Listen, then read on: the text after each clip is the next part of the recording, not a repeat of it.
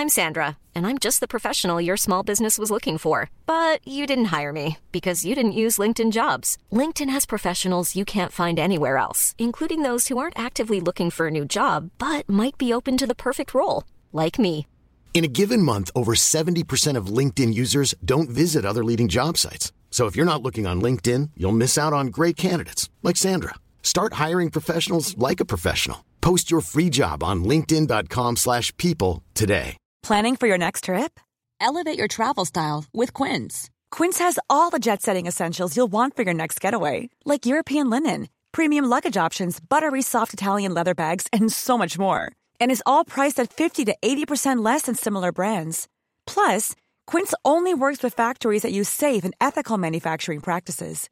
Pack your bags with high-quality essentials you'll be wearing for vacations to come with Quince. Go to quince.com/pack for free shipping and 365-day returns. There's never been a faster or easier way to start your weight loss journey than with PlushCare.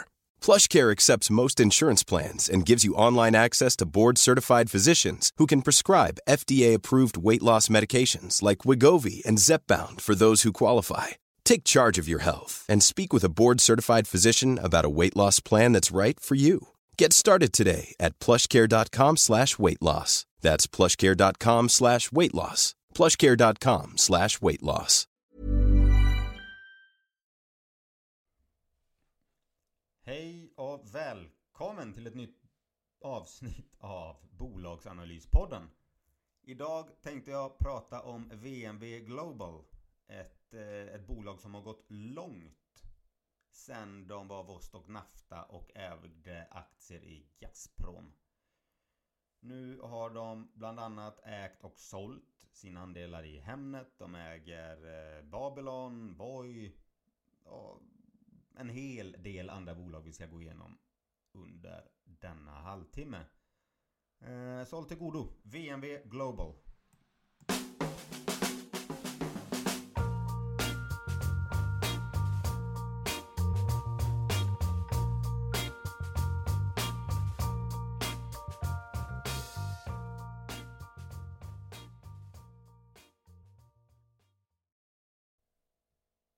VNV Global hette tidigare Vostok New Ventures. Innan det hette de Vostok Nafta. Eh, Vostok Nafta var förgreningen till Lukas Lundin. Alltså, nej inte Lukas Lundin. Adolf Lundin. Lundingruppen. Och de höll på i Ryssland med bland annat Gazprom. Hade ett innehav där. Förlora väldigt mycket pengar i finanskrisen.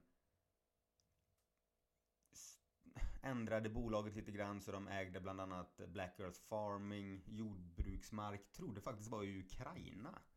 Och lite sådana här bolag gjorde om verksamheten igen genom att dela ut de här till aktieägarna och sedan då fokuserade de på i detta fallet framförallt så var det väl tillgångar i Aj, det var ju emerging markets men de hade väl två framförallt stora tillgångar i Ryssland. Varav det ena var Avito och sedan så var det Tinkoff. Det ena var en bank och det andra var som eh, Avito var som eh, ryska blocket kan man säga. De sålde Avito. Jag kommer inte ihåg vad det var, det var 6,5 miljarder eller någonting. I samband med det här så delades bolaget upp igen till VEF. Jag tror att det är Vostok eh, Emergence Finance. Som nu också är ett jätteintressant bolag. Det, det, kommer jag berätta om eh, i framtiden. Men har fina... Alltså de håller på med fintech. I framförallt Brasilien håller de det, det största där nu, Creditas. Men då hade de Tinkoff och sådär. Det var en påse med pengar som kom och kvar var VNV. Och då började väl det VNV som vi ser idag. Ett VNV som inte alls har med Ryssland att göra. De, innan kriget med Ukraina så hade de ungefär 6% riktat till Ryssland. Men alla när man pratar om VNV Global så pratar man om Ryssland. Ah, har inte någon ryska ägare? Är det inte någon som håller på med massa i Ryssland? Nej, Nej, nej, nej. Absolut kan de ha spår kvar. Absolut så känner någon någon som har någon Rysslandsförgrening. Absolut så finns det någon rysk ägare i Voi etc. etc. Men nu gör inte det saken rätt, men det gör inte saken fel heller. Det är bara fakta. Alla bolag har förgreningar till personer man kanske inte vill ha förgreningar till. Det är verkligheten. Den är inte svart och vit. Så jag tänker inte gå in på det här. Folk får liksom släppa det här nu. De har försökt, inte jättemycket fantasi i de här namnbytena men Vostok Nafta, Vostok New Ventures och nu VNV Global. Eh, de har väl försökt hålla sig till sitt historiska namn men ändå ta kliv ifrån det hela tiden. Nu är de en helt annan business, de har helt andra, helt annan approach. Ingenting med direkt med Ryssland att göra. Det de siktar på idag det är digitalisering av olika slag. Framförallt inom tre stycken grenar där du har plattform, du har mobility och du har health. Om du ser på plattformsbolagen så är Hemnet ett jättebra exempel. Det är eh, en plattform. I Hemnets fall så är det bostadsannonser. Folk lägger upp bostadsannonser. Ju fler bostadsannonser som läggs upp, ju fler kommer bostadsköpare och säljare kommer söka sig till den här plattformen. Ju större blir den, ju mer data får de in. Och till slut så uppnås då en monopolställning. Du har liknande sidor som Hemnet i Egypten tror jag och även någonting i Dubai. Jag kan ha fel på namn där. De sålde dessutom någonting här nu. För bokfört värde ska tilläggas. Det var snyggt. En av de här eh, Property finders eh, företagen då. Eh, de har Housing Everywhere i, eh, med ett par franska ägare tror jag. De tog också in pengar till bokfört värde. Så alltså det, det är bolag man inte hört talas om. Det är bolag i olika länder. Men det är reella tillgångar. Det är liksom inte bluff som man kan få för sig emellanåt om man ska kolla på vilken rabatt den här aktien handlas till. Mobility så har du BlaBlaCar. De är ganska smart tjänst egentligen. Vi säger franskt bolag. Vi säger att du vill åka från Frankrike i Paris till Berlin. Så lägger du upp på sajten att jag ska åka från Paris till Berlin vill några åka med. Då kan du signa upp dig så åker ni med en full bil istället och ni kan dela på kostnaderna, ni får minskade koldioxidutsläpp och allting vad det medför. Växer så det knakar, hoppas väl kunna bli lönsamt nu nästa år eller vad det är i alla fall kassaflödespositivt. Du har Get, du har eh, vad vi framförallt kanske känner till i Sverige, det är Voi, elsparkcykel. Och det är ju väldigt många åsikter om det där, men det är en annan historia. Du har Health, där du har Babylon i spetsen som var flaggskeppet. Värderades väldigt högt ett tag. Inte alls rimlig värdering enligt Per Brilliot. Den skulle vara värd många, många gånger mer. Jag tror den uppgick ungefär till typ 3,6 miljarder eller någonting i bokfört värde i eh, substansvärdet för VNV när den stod på toppen. Noterades vid en spack på 10 dollar. tror den gick ner till runt kanske 30 cent, 50 cent. Sen gjorde de en split, eller omvänd split, slog ihop den igen. Den har gått ner så in i helvete. Jag vet inte om den har gått ner med typ närmare 95%. Likadant med Swivel, gjorde samma resa också, gick in på 10 dollar, handlades brutalt ner till, alltså ner med 90% där med minst. Swivel är inom deras mobility. Där är det eh, Alltså bussar och sånt där kanske inte går i tid i alla delar av världen. Men här eh, så har de en app. Du signar upp dig att jag vill bli hämtad här och här. Och så då, du för ihop förare med resenärer på ett väldigt snyggt sätt. Och det blir en säker transport för framförallt kvinnor och man kan lita på sin transport. I grunden är det ett bra bolag men de tjänar inte pengar. Och det är väl det inget av VNBs bolag gör. De tjänar inte pengar. När räntan var låg, ingen fick avkastning med sina pengar så trycktes det in i sådana här bolag som växte så det knakade och det gör alla BNBs bolag i stort sett. nu när det inte finns lika mycket pengar på marknaden så vill ingen ha ett bolag de måste tillskjuta kapital. De vill ha ett lönsamt bolag vilket innebär att alla deras bolag slaktas fullständigt på värderingarna. Och jag tror VNB toppar väl på runt 135, tog in en miljard i nyemission vilket var rikt, riktigt snyggt strax innan raset på tror jag 125 miljoner. Nu, eller på en miljard på 125 kronor. Nu är den nere i, ja, den pendlar mellan 25 och 30. Var nere på 22 och bottade där.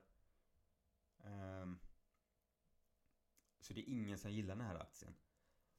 Min take på det här nu och det jag ska gå igenom lite grann det är väl att om det är någon gång och om man tror att tillväxt kommer tillbaka, om man tror att tech kommer tillbaka, om man tror att de kan vända många av deras bolag.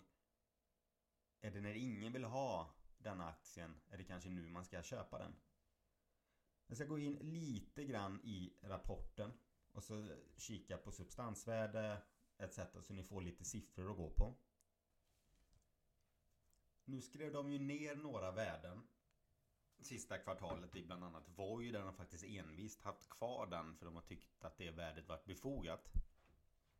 Men nu är de nere på ett substansvärde på 67,87 kronor per aktie. Det är ju också lite grann dollar styrt. Så har du en, en, en hög dollar då ökar ju deras substansvärde i svenska kronor. Kursen nu är ju inte jättehög. Alltså du får ju en bra rabatt på den. Den är 28,66 kronor. Men det ska då tilläggas att marknaden tror ju inte att de rapporterar ett rimligt substansvärde. Det är vad det handlar om. Tittar du bara på det värdet och tänker oj vilken rabatt det här är. Jag tror den är närmare uppåt 60% eller någonting. Så litar du också helt blint på att det du har det är facit att det är så här mycket de får för sina bolag. De har gjort vissa försäljningar där det varit i, i bokfört värde och det är jättekul. Men jag tycker man är naiv och kanske till och med lite arrogant om man tror att alla värden stämmer. För om du kollar på vissa peers de här bolagen har så har de gått fruktansvärt dåligt på börsen. De kan ha gått ner med 90-95%. Största innehavet de har idag det är Voi. Och Voi växer jättefint. Problemet med, ska jag säga först här nu, det med VNVs alla bolag här, det är att alla är onoterade i stort sett. Du har Swivel och du har Babylon. Resten är onoterade. Med begränsad insyn. De, ibland kan du få någon artikel om att de har gjort si och så mycket i vinst. Men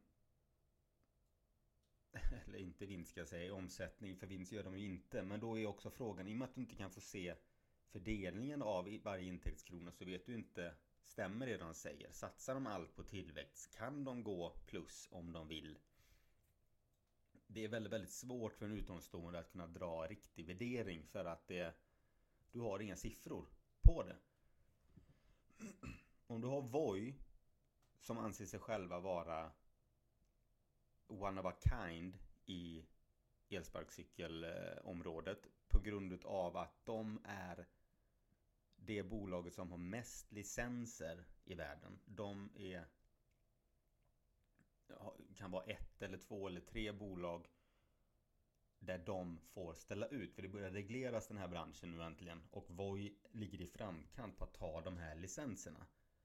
Och businessen som så är nog jävligt lönsam från att ha gått på några månader för varje cykel överlevde innan de var tvungna att skrota den så kan de nu gå till flera år, de nya generationerna. Och då kan du ta in de här pengarna rätt fort. Och sen du har fler och fler städer, de stänger ner sina stadskärnor för de vill inte ha bilar där inne och då blir det elsparkcyklar eller vanliga cyklar. Du har många som vill spara in på taxiresor nu för det är dyrt att leva nu. Många vill spara bensin, då tar du en elsparkcykel. Så att, och detta är faktiskt genomgående för alla deras bolag. De har fantastiska bolag i den gröna omställningen eller effektivisering för konsument som kan spara pengar. Likaså i bla bla car där du har samåkning och... Nej, nu hoppar jag framför. Jag får backa. Förlåt, förlåt, förlåt. Jag drar mig tillbaka. Vi är på Voi fortfarande. Där har du, det ligger helt rätt i tiden och det är ett jättefint bolag. Men det går inte plus. De har annonserat ut att de ska varsla och att de hoppas nu då bli kassaflödespositiva nu under 23. Det var tal om att de skulle börsnoteras nu förra året. Så skedde ju det här med Ryssland och det här. Ehm, så det, är det största bolaget och vill du följa VMB, då måste du ha koll på Voi. Se var de tar vägen, känna pulsen på samhället. Kommer bli förbjudet? Kommer man vilja reglera elsparkcyklar etc? Än så länge så verkar det gå att man faktiskt vill reglera och vill ha kvar dem. Jag älskar skiten, många hatar det. Men Voi är ju det är ett nyckelbolag. Voi står för 16,7% av portföljen. BlaBlaCar står för 12,2% av portföljen. Get står för 10,7. Booksy står för 6,1. Housing Anywhere står för 4,7. Och sen blir bolagen mindre och mindre och mindre. Så nu hör ju själva var fokuset ligger. Det har varit värt mer. Alltså både Babylon och alltså vissa av deras enskilda har ju varit värt mer än vad hela deras börsvärde är idag. Men de har ändå inte skrivit ner vissa av de här bolagen tillräckligt kan man tycka. För vissa står kvar på samma värdering som de gjorde då. Alltså innan de här techraset började. För börsvärdet nu det är 3,5 miljard. Och det var vad bara Babylon var värd till på toppen. Det ska man ha med sig så att det finns en enorm uppsida. Men det finns också chans att många värden i rapporten är jävligt uppblåsta. Och sen BlaBlaCar. De satsar också på att bli kassaflödespositiva. Växer jättefint. Kör med samåkning. Stora i Ryssland faktiskt. Där är det lite Lite grann nu tjo med hur man ska göra där med den delen. Eller eh, om den påverkas av det här VNV har varit lite halvtyst om det här. Jag har inte hört så mycket om det men jag vet att de har verksamhet där. Ehm, du har även Get. Det är som eh, Israels eh, Uber ungefär. Jättestora. Där, de värderades till en och en halv miljard innan raset kom. Sen så köpte VNV upp deras skuld så de blev en stor ägare. Vad äger de nu? Om det är typ 50% av det bolaget. De vill också vända till lönsamhet nu och är väl på gång. Men man vet inte riktigt då när det sker. Ehm, du har Booksy. Det är ett bokningstyp som svenska... Ja, vad heter det? Boka direkt. Fast i USA startades i Polen. Växer jättefint och faktiskt väldigt stor app där. Housing Anywhere. De tog in pengar på samma värderingen som var, som var i eh, rapporten, alltså som bokfört värde. Så att den verkar faktiskt stå sig då. Numan, det är mm, digital e-hälsa för män. Det är om saker och ting inte står som det ska eller står till som det ska. Där fick jag till den. Du har alltså massa sådana här bolag. Inom, eh, jag kan inte gå igenom alla för de är, vissa är väldigt små. Eh, utan det är de stora man får förhålla sig till. Problemet nu är ju att många av de stora som var stora för ett år sedan är inte stora längre. Där har du Babylon och du har Swivel. De är ju... Alltså, det är ju ingenting längre. Utan det du investerar i nu i dagsläget i VNV det är Voi, BlaBlaCar, Get, Booksy och Housing Anywhere och Newman. Resten är liksom en option för att det de har köpt in dem för är troligtvis stora överpriser. De växer jättefort. Men de tjänar inte pengar och jobbet nu är att få många bolag lönsamma. Och då om de överlever nästa våg som kommer sen i högkonjunktur då kommer du få en hävstångseffekt på det här för då kommer du sitta med en grupp massa jättelönsamma bolag. Men nu står de i det här, den här perfekta stormen. Där eh, VNV kommer behöva skjuta till kapital, vilket de har gjort. I både Babylon och Eh, de gick även eh, sköt till med då i, i Get. Eh, de har ungefär 1,2-1,3 miljarder i kassa. Dock motsvarande då i skuld. Så att de sitter ju inte... De förhandlade om det här obligationslånet, dock ska tilläggas. Så att de behöver inte betala tillbaka det nu de närmsta åren. Men det är ändå en skuld de sitter på. Och och kassan är mindre. På 900 miljoner kronor. Kan ha förändrats nu för detta är ju Q3-siffrorna. Men eh, de har krut och de har sagt att de kan stötta bolagen framåt. Men det går ju inte hur länge som helst, så är det ju. Ehm, du har lån på 1 miljard 230 miljoner ungefär. Så... Alltså... Allting handlar om VNVs dotterbolags värderingar som du inte har en inblick i. Där du bara kan lita på Per Briliots ord. För han kunde sitta i intervjuer förra året och förrförra året och säga att eh, Babylon skulle tiodubblas på fem år och det var sinnessjuka värderingar och det, det kan mycket väl stämma, det kan vara så. Men uppenbarligen var det ju inte så nu i alla fall. Nu ska Babylon sälja av ett ben och satsa på sin grundkärnverksamhet. Ehm, det är, Babylon är ju det är en AI-doktor kan man säga. Du skriver med den. Du får eh, en, eh, en diagnos och någon kan fastställa den och rekommendera om du ska söka till en läkare eller inte. Sparar in jättemycket pengar för försäkringsbolag. Ehm, och den blir också bättre och bättre och bättre. Ju fler som använder den, ju mer data får de. Ehm, de ska sälja av delar nu som inte är lönsamma. Fokusera på det här. Och förhoppningsvis då bli kassaflödespositiva. Men då ställs ju också värderingen helt på sin spets med. För att då... Det är jättesvårt för det är ett bolag som har varit i en perfekt miljö för den typen av bolag de äger. Till att nu hamna i en miljö där alla hatar bolagen de äger. Där konkurrenter till många av de här går i konkurs.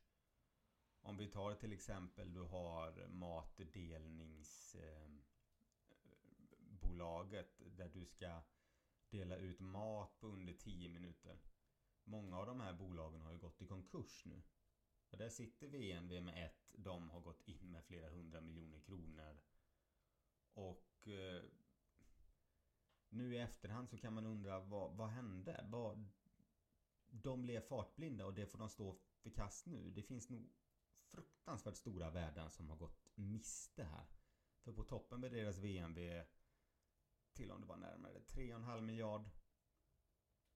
3,5 miljarder värde som man faktiskt trodde stämde. Och som säkert stämde på den marknaden som rådde då. Men sen drogs mattan undan när räntan höjdes och värdena är totalt bortblåsta. Jag skulle nog vilja påstå att kursen nu är ganska rimlig. Du har mycket bolag i den portföljen som inte har skrivits ner. De är inte stora, men samtidigt så är det många bäckar små. Och då blir det lätt en stor summa. Du har också osäkerheten med att de kommer behöva de här 900 miljonerna att stötta med ännu mer kapital. Även om de sagt att bolagen inte behöver kapital i den utsträckning att de kommer klara av att ge det stöttningen. Men det är inte säkert. Det har blivit fel innan. Lyckas de, lyckas deras största bolag ställa om, bli lönsamma, då är uppsidan superfin och stor i VNV. Men samtidigt så har han pratat om återköp sen raset från 135 ner till 127 spänn började. De har inte köpt tillbaka så himla mycket. Faktiskt. De uppgångarna han pratar om i många av bolagen hade jag, jag vetat att det är såna här jag hade köpt upp hela kassan idag. Jag hade tagit ett lån med 13%, 15% ränta och stöttat dotterbolagen med. Och så hade jag köpt egen aktie för allt jag kan. Om det är så som han säger att det är så mycket dolda värden och... Äh, men att han inte hittar någon annan bättre affär. Men det, det stämmer inte. Någonting stämmer inte. För att de återköper inte. Och varför gör de inte det när kursen är så här låg? Nej, troligtvis för att de tycker inte att den är så låg. De tycker väl den kanske är rimligt värderad. De köper någon gång en miljon kronor. Det, det spelar liksom ingen roll. Insynsköpen har du inte haft. Du hade någonting här nu för någon vecka sedan eller två. Där det var eh, några hundratusen. Men, men det är liksom... Det är det. De här massiva köpen, de finns inte. Och det är ju det som är själva fundamentet. Att se ledningen köpa, se bolaget köpa tillbaka sina egna aktier och visa att det faktiskt är någonting bakom värderingarna som står i rapporten. För det beviset vi har nu, är Hemnet klarar sig fint. Den gick upp bra. Den, där var tydligen då att det var ett riktigt värde på Hemnet. Men både Swivel och Babylon har ju gått ner med närmare 95%. Och ska du sätta den värderingen, alltså de nedgångarna och dra den över ett jämnt streck. Det ska man inte göra men jag leker med den tanken nu. Dra 95% då för 135 kronor när VNV stod på toppen. Så pratar vi liksom 7 spänn. Den kommer inte gå ner dit. Troligtvis. Men det är så deras börsnoterade innehav har reagerat på den här krisen som varit. Och om vi tar det här matleveransbolaget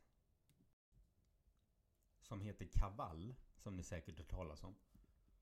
När de mer eller mindre så var det en idé och ett gäng med cyklar som värderades på den första kapitalrundan upp till 285 miljoner kronor. Och jag kommer inte ihåg hur stor del andel, eller hur stor andel VNV tog, men det är liksom på den nivån där många av deras bolag har handlat på. 285 miljoner kronor för en hyfsad idé. Och ett par idioter i cykelhjälm. Nej, förlåt. Inga idioter i cykelhjälm. Det var ett skämt. Men det var det är de värdena som har tryckts in i rapporten och där de står upp och säger att det här är det här bolaget värt för det här är den senaste transaktionen. De ljuger inte. Men faran är att när du har tillräckligt många det, vi har sett samma i Klarna, vi har sett samma i, i massa av de här onoterade, framförallt techbolagen, att eh, firmor med kapital som går in vill ju inte sänka värderingarna på sina innehav. Utan då går de ju in till en högre nivå. Har de ett, ett bolag i sin portfölj värderade till en miljard, det här bolaget behöver ta in 50 miljoner kronor. Ja, då kanske de ger dem 50 miljoner kronor då. Och så behåller de en värdering på en miljard, för de tar in det, för de redovisar till sista summa de tog in pengar på. Även om det hade varit en betydligt bättre affär och de hade kunnat få större ägande, ägarandel om de hade gett dem 50 miljoner kronor på en värdering på 200 miljoner kronor. Ja men det är jättebra. Men samtidigt får de skriva ner sina böcker då med 800 miljoner för att bolaget har tappat i värde. Det är det här som är den stor, det stora problemet. Och risken med VNV Global. Och därför är kursen väldigt låg. För att värderingarna har varit jätteupplåsta. De kommer säkert komma tillbaka igen. Många av de här företagen kommer det gå jättebra för. Det här kanske jag inte vill att någon ska pissa mig i ansiktet på en tio år men Voi tror jag jättemycket på. Jag tycker det är skitcoolt. Jag, fan, jag gillar Voi. Jag tycker det är kul att åka dem och jag använder dem ofta när jag har läge. Och det, skulle inte, det skulle inte förvåna mig om Voi kommer vara värt om några år värt lika mycket som hela VNVs börsvärde är idag. Men då måste de ju också då vända till lönsamhet och visa att affären är hållbar. Och vad man tror så är den ju det kanske i alla fall då på sikt. Men att du, du har ingen inblick i de här företagen och det är som jag har sagt nu flera gånger, det är jättesvårt att analysera. Man får göra en väldigt man får väldigt tilltro på ledningen om man, ska, om man ska likställa värde på bolaget med det som står i rapporten. Och då hade man velat se mer återköp, man hade velat se mer insynshandel. Um, för, för nästan alla företag de har, om inte alla, ligger helt rätt i tiden. De, drar, de är miljövänliga, de är ekonomiska, bensinpriserna är höga till exempel. Alla deras mobility-enheter underlättar och sänker bensinpriserna antingen om du tar en Voi eller om du samåker. Du har eh, att du kanske inte vill sitta i ett väntrum på läkarstationen. Nej men då har du bolag inom e-hälsan. Alla grejer de har som de investerat i har och ligger helt rätt i tiden de sista åren. Så de har haft en jättefin fingertoppskänsla på det där. Problemet är värderingarna. Och att vi kommer från en nivå där marknaden gick bananas och älskade sådana här bolag. Så att min slutsats är väl egentligen det att det är inte säkert att eh, den har rasat eh, på ett sådant sätt att det inte är rättvist. Det kan ha varit uppgången som var fel från början. Trots att den ändå handlades, inte på toppen och handlades med premium. Men trots att den ändå handlats rabatt. Att rabatten i VNV ska nog vara högre än vad rabatten är i Investor. Var Investor har väldigt, majoriteten är börsnoterade. Du ser de här bolagen, du kan sätta en värdering på dem. Medan i VNVs fall så är det helt blankt då, då krävs en rabatt, speciellt i dessa tider. Börjar de återköpa aktier, börjar insynsköpen öka, börjar det skrivas lite rapporter om att de börjar närma sig kassaflödespositiva. Nu ska de släppa rapporter snart så det ska bli jätteintressant att läsa den. Så, så är det nog dags att börja gå in. För någon gång kommer den tillbaka. Frågan är bara till vilka nivåer. Och följ Voi det största bolaget. För där, det måste du ha koll på. För den påverkar kursen i väldigt stor utsträckning. Eh, jag ska runda av där för idag. Lite, lite otillfredsställd. För jag känner själv hur eh, luddigt det blev på något sätt. Men jag tänker väl att bolagen i sig är nästan lättare att liksom det är bara att kolla. Det står på deras hemsida. Det är bara att titta vad de gör. Eh, utan detta avsnittet var mer bara att spekulera fritt om värderingarna. För det är det som är hela tesen egentligen. Bolagen har intäkter. Bolagen rullar på. Bolagen växer superfort. Men till vilket pris? Och till vilket pris kommer de kunna ta för det framöver? Uh, yes, jag avslutar där. Nästa vecka är THQ Nordic som de hette innan. Numera heter de Embracer Group.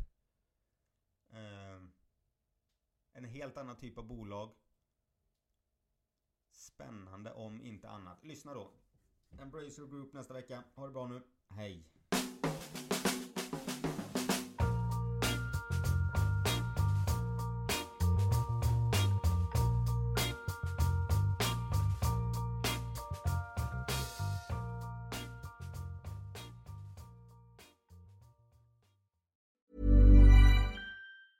Hi, I'm Daniel, founder of Pretty Litter. Did you know cats tend to hide symptoms of sickness and pain? I learned this the hard way after losing my cat, Gingy. So I created Pretty Litter, a health monitoring litter that helps detect early signs of illness by changing colors, saving you money and potentially your cat's life. Pretty Litter is veterinarian developed, and it's the easiest way to keep tabs on your fur baby's health right at home. Go to prettylitter.com and use code ACAST for 20% off your first order and a free cat toy. Terms and conditions apply. See site for details. Mom deserves the best, and there's no better place to shop for Mother's Day than Whole Foods Market. They're your destination for unbeatable savings, from premium gifts to show-stopping flowers and irresistible desserts. Start by saving 33% with Prime on all body care and candles. Then get a 15-stem bunch of tulips for just $9.99 each with Prime. Round out Mom's menu with festive rosé, irresistible berry chantilly cake, and more special treats. Come celebrate Mother's Day at Whole Foods Market.